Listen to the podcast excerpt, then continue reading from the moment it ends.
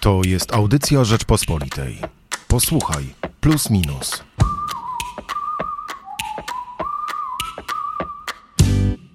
O ponad jedną trzecią wzrosła w Polsce liczba prób samobójczych wśród nastolatków. Dzieci i młodzi ludzie wchodzący w dorosłość stają się coraz częstszymi gośćmi w gabinetach psychiatrów. I to oni, lekarze oraz terapeuci, mają dziś może największy nawet wpływ na dorastających Polaków. Tak zaczynamy najnowszy magazyn Plus Minus, w którym przyglądamy się, a dokładnie nasi autorzy przyglądają się tak zwanemu pokoleniu T, czyli pokoleniu terapii. I dzisiaj na ten temat i w ogóle o młodzieży, o szkole, o rodzicach porozmawiamy sobie w dziennikarskim duecie. Ja nazywam się Michał Płociński, a ze mną jest Joanna Ćwiek z działu krajowego Rzeczpospolitej. Dzień dobry. No to zacznijmy od tej młodzieży i tych szkół. Czy w ogóle mm, coś się w szkole po pandemii zmieniło? Czy po pierwsze łatwo było dzieciakom po tej, tym czasie izolacji, tem, te, temu jednak spoko, spokojowi w domu, no bo przecież miały dużo mniej bodźców, prawda? Cisza i spokój. Wrócić do gwarnych szkół i na nowo budować więzi z rówieśnikami. Na pewno nie było łatwo. W czasie pandemii, w czasie nauki zdalnej, rodzice bardzo często podkreślali, że dzieciom jest źle i że tęsknią za szkołami i że chcą wrócić.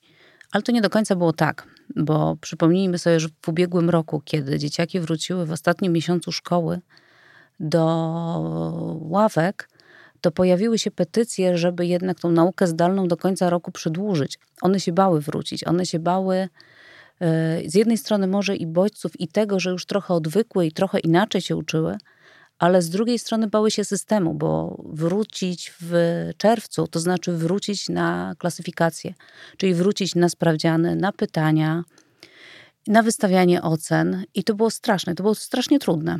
One miały jednak trochę więcej luzu. Pamiętam, że kiedyś brałam udział w jakiejś takiej debacie o szkole, prowadzoną, debata była prowadzona przez młodzież i jeden z prowadzących powiedział, że e, tak jak on teraz sobie chodzi do szkoły i jest tak dużo tych sprawdzianów, to był maturzysta, to tak sobie marzy, że może, żeby może ktoś w tej klasie zachorował na ten COVID i, i może by poszli znów na kwarantannę, chociaż na tydzień to, to by sobie odpoczęli.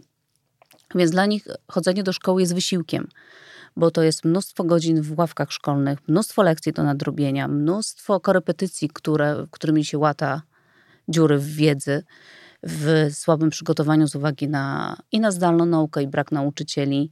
No i właśnie to wystawianie ocen, którego nie, które może było, było zawsze i zawsze było problematyczne, natomiast to był taki powrót właśnie w tym newralgicznym momencie szkoły. No właśnie, ja, ja rozmawiam w najnowszym magazynie Plus Minus z mm, Agą Wiburno, nauczycielką zespołu szkół Bednarska w Warszawie i ona tam stawia tezę, że, że dzisiaj dzieciaki są dużo bardziej zestresowane e, właśnie tymi ocenami. Te oceny są coraz ważniejsze, ta presja jest większa, nakładana przez nauczycieli, przez rodziców. No, nie wiem do końca, co się zmieniło, nie znajduję tej odpowiedzi. No, my też mieliśmy oceny, my też musieliśmy dostać się do liceum, my też musieliśmy dostać się na studia.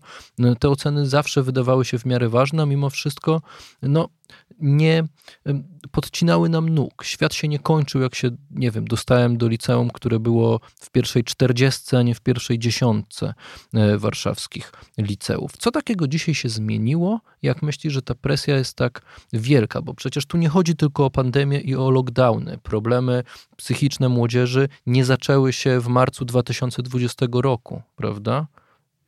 Ale mamy system rekrutacji, jaki mamy, to znaczy są egzaminy końcowe w ósmej klasie, są egzaminy maturalne punktowane e, i od ilości punktów, czyli też od tego, jak bardzo podpasują nam pytania, dzieciakom pytania, będzie, będzie, taki będzie wynik, a to będzie warunkowało, na jaką uczelnię pójdą. A jest trochę takie przekonanie, że po prostu dobra, dobra szkoła przygotowuje do dobrych studiów, do dobrej pracy i że tą pracę sobie znajdą i poradzą sobie, że inaczej się nie da. Jest to taki trochę nacisk. To bzdura. No jest bzdura. Ale, tro, ale trochę tak jest. Jest straszne, mm, jest straszny taki nacisk na paski, tak? Przez świadectwa z paskami. 4,75 trzeba mieć średnią. Kto nie ma, no to jakiś słaby w ogóle, o, o, o czym my tutaj mówimy.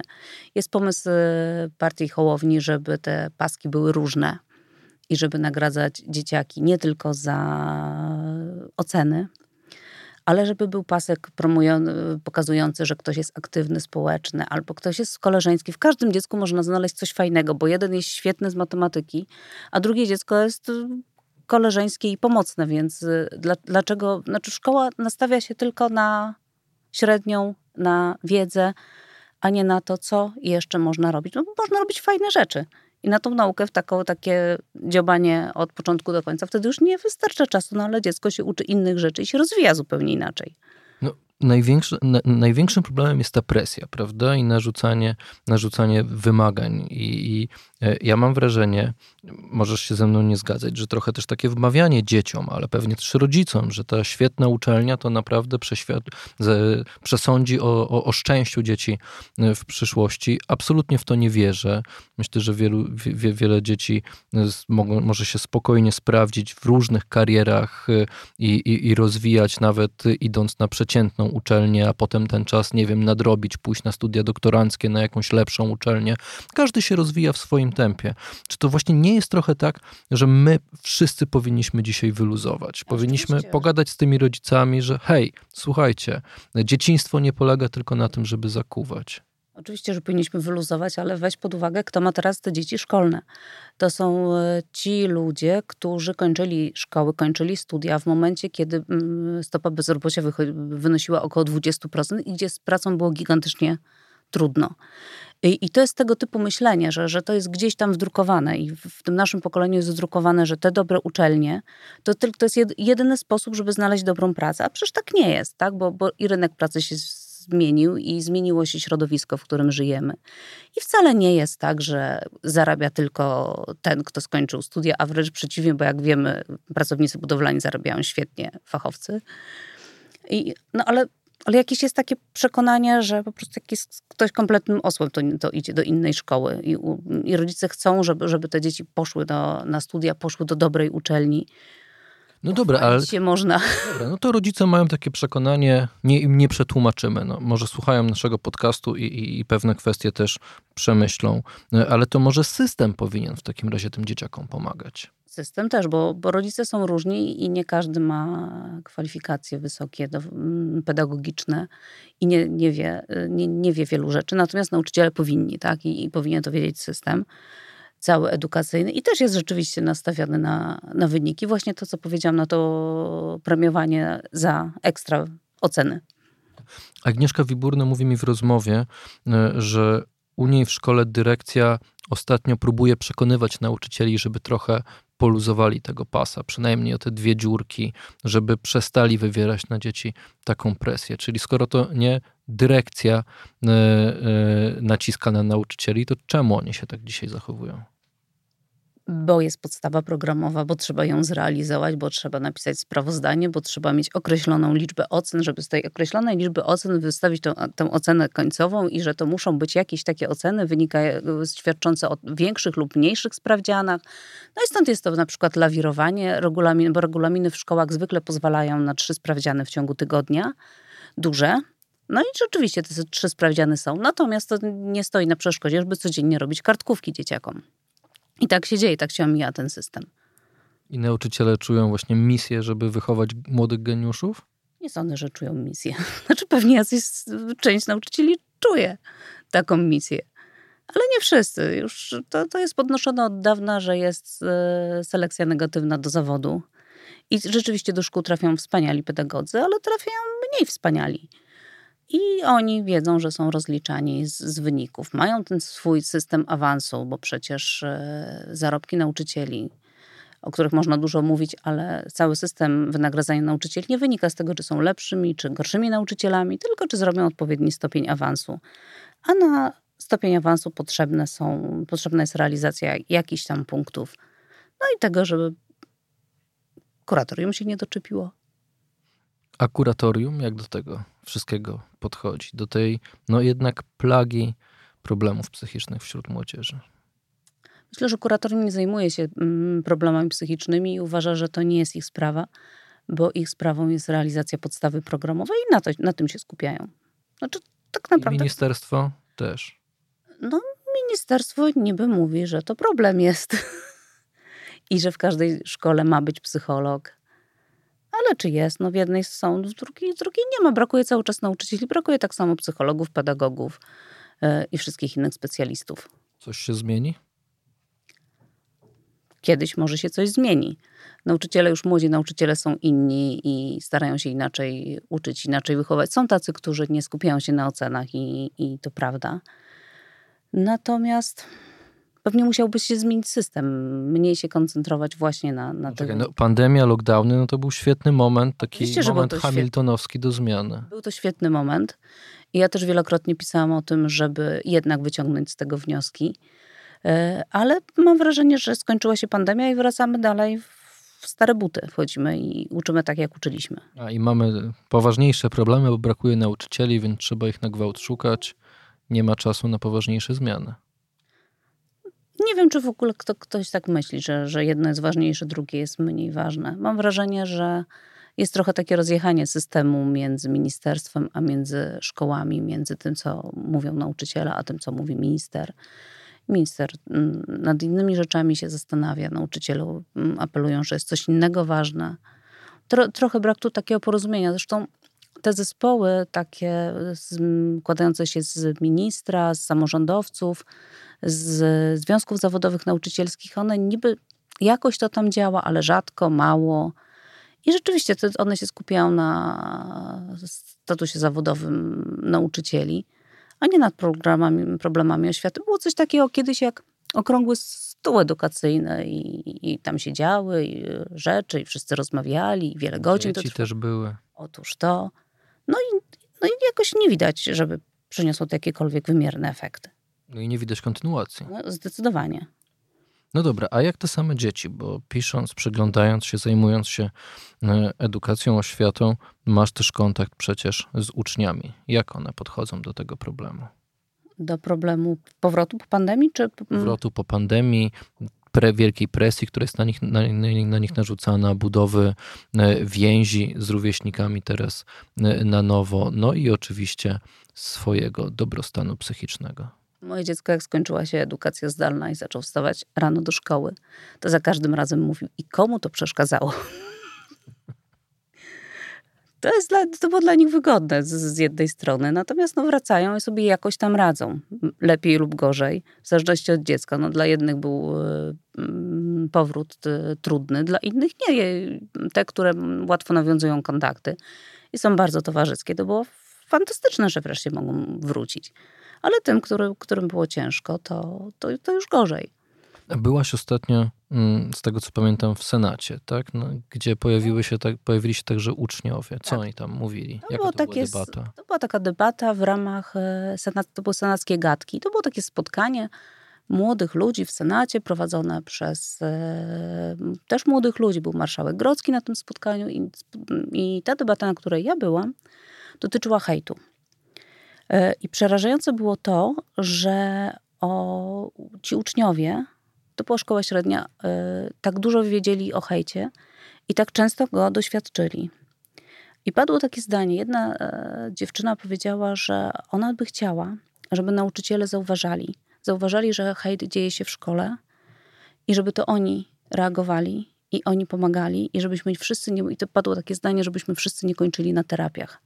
Także oni mówią otwarcie o tym, że sobie nie radzą, nie radzą sobie z rzeczywistością, właśnie z hejtem, którego jest bardzo dużo.